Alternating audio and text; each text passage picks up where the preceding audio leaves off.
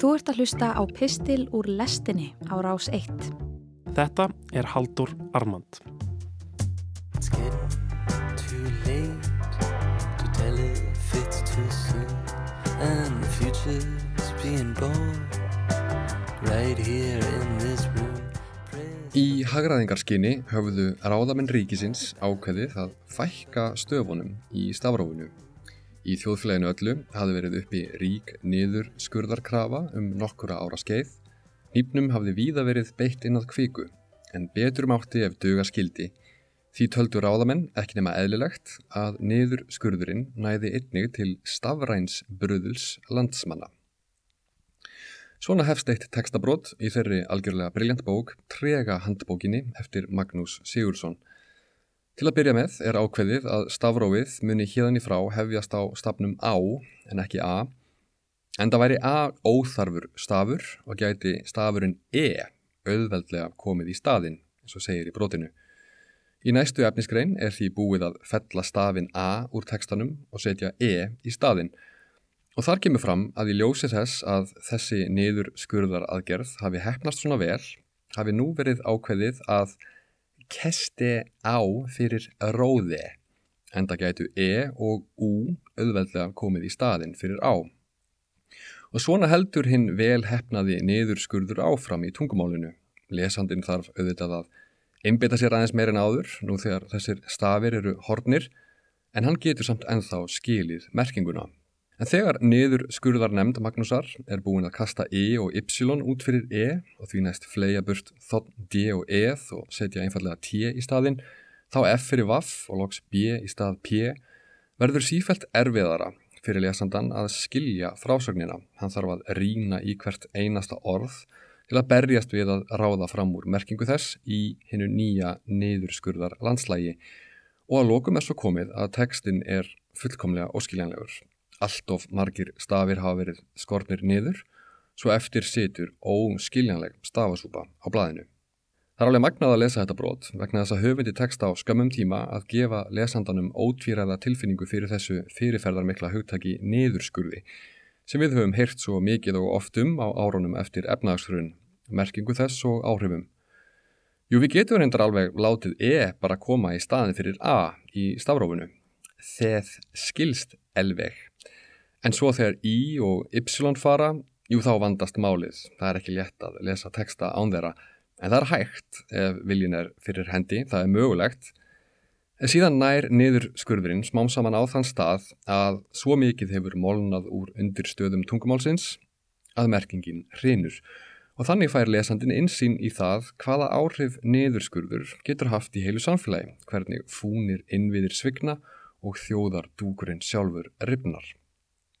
Út er komin heimildarmyndin Capital in the 21st Century sem er gerð eftir samnefndri meðsölubók franska hagfræðingsins Thomas Piketty frá árunni 2014 um efnagslegan ójöfnuð í Evrópu og bandarækjunum frá átjónduöld. Margir kannast við þennan dóðrand en það eru líklega ekki margir sem hafa lesiðan spjaldana á milli. Þetta verist vera eina af þessum sérstöku bókum sem skapa umtal í öfugu hlutfalli við það hversu margir lesa hana. Og þess vegna er ágætt fyrir letingja eins og sjálf á mig sem nennir ekki að liggja yfir 700 blaðsina tölfræði að fá Piketty bara á skjá í 90 mínútur til að útskýra málsitt. Ég er ekki hagfræðingur og þykist ekki geta lagt neitt sérstaklega mat á helstu leikil kenningar Pikettys um að til dæmis muni fyrirkomulag þar sem fjármakstekjur aukast hraðar en hagvöxtur til lengri tíma leiða til samþjöppunar auðmags og að slíkur ójöfniður muni svo leiða til efnagslegs og þjóðfélagslegs óstöðuleika. Það eina sem ég veit er að umræður og deilir um bókina hafa verið miklar. En það sem ég get hins vegar sagt er að tölfræðin sem hann færi fram um það hversu mikið ójöfniður hefur aukist á Vesturlöndum frá því á 8. áratögnum og hversu gríðarlega eignir og auðæfi allra ríkasta fólksins hafa vaksið á þessum tíma er vægast sagt sláandi. Að hans sögn erum við á leiðinni aftur til átjöndu aldar þar sem elita sem samanstendur af einu prósundi manna á í grófum dráttum allt. Íslandingar hafa vitaskuld ekki farið varhluta af þessu. Í liðinni viku byrtist á vefmiðlinum kjarnanum greinar gott yfirlit um það hversu ævintýralega fámenn ofur auðstjætt í sjávarútvegi hefur auðgast á síðustu árum og áratugum meðan almenningi er vitaskuld linnulöst seldur sá áráður að greinin berist í bökkum svo það megi vart anda á hann ef hann eigi ekki fara á hliðina. Þá er ég afnátt sínt fram á það hvernig þessi auðstjætt er smám saman að egnast allt Ísland gegnum margháttuð ítöksín á ólíkum sviðum þjóðfélagsins. Vitaskuld með digri aðstóð stjórnmálamanna og þeirrar lagasetningar sem sér til þess að lígileg hlunindi þeirra séu varin af ríkisvaldinu.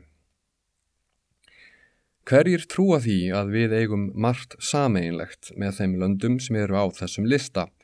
spurði Þórdís Kolbrún Reykjörð Gilvadóttir, nýsköpunar, yðinnaðar og ferðamálar á þeirra í ræðustóla alþingis fyrir helgi þegar rætt var um þá staðrind að Íslandingar séu lendir á alþjóðlegum gráum lista vegna ófullnægjandi varna gegn peningaþvætti.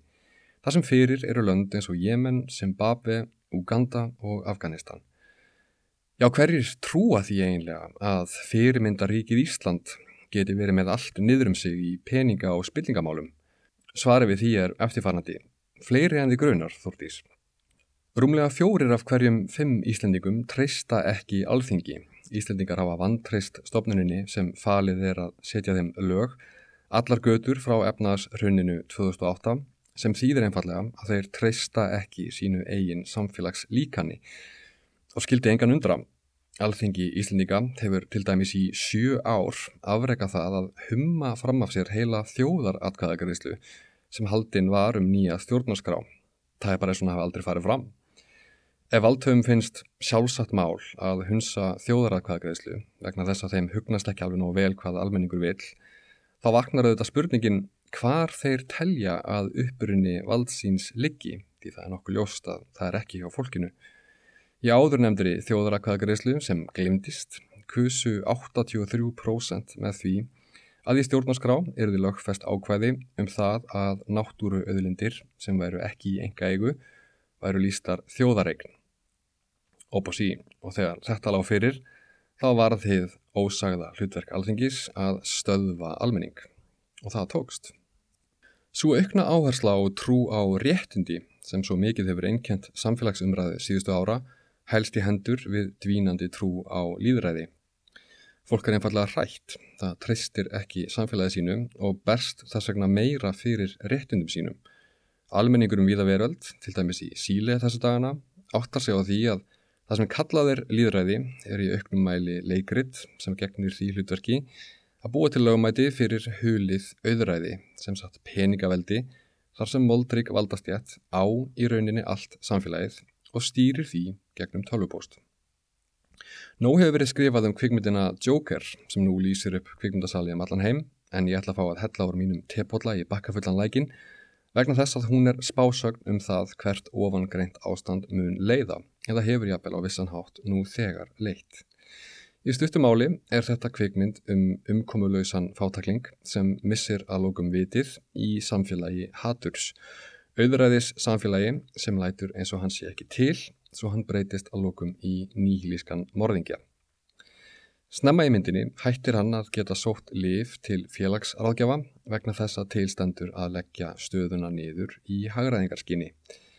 Eftir myndina var mér aftur hugsað til trega handbókar Magnúsar Sigurssonar og tekstans um niður skurðar aðgerinnar í stafrófunu. Hér sjáum við ekki aðeins hvernig innviðir fúna og samfélagsdúkurinn raknar upp í niðurskurði, stafinnir fljótaði burtu einn af öðrum og að lokum stendur merkingarleisan einn eftir, heldur fáum við sömuleiðis sannfærandi insýn í það hvernig manneskjan sjálf hreinlega raknar upp í svo hatursfullu umhverfi. Þegar búið er að reyta burtu allt það sem tengir hana við aðra, þegar hugtakið samfélag er orðið svo fúið og merkingarsnöytt þá gengur hún að lókum af göblunum. Eitt af því sem gerir myndina kröftuga er hversu sannfærandi hún sínir fram á þetta. Hvernig jókerinn, fátaklingurinn Arthur Fleck leysist smámsamann upp í óskiljanlega merkingarleysu þegar hver stafurinn á fætur öðrum hefur verið fjarlæður úr hans innra stafrófi. Hvernig einn maður á sér ekki viðreistnar von í þeirri lifandi martröð sem ríkir þegar búið er að tortíma öllu því sem kallast samhjálp, samkend og samstaða. Þegar Artur Fleck hefur gefist upp á því að leita að raugrænum skýringum á hlutskipti sínu, þá tapar hann glórunni. og verður þannig að tákngerfingu sjálfs heimsins sem fyrirlítur hann svo heftarlega. Brandara sem enginn hlærað. Like living from boogie to boogie. That's all the love that some of us know. That's all the love some know.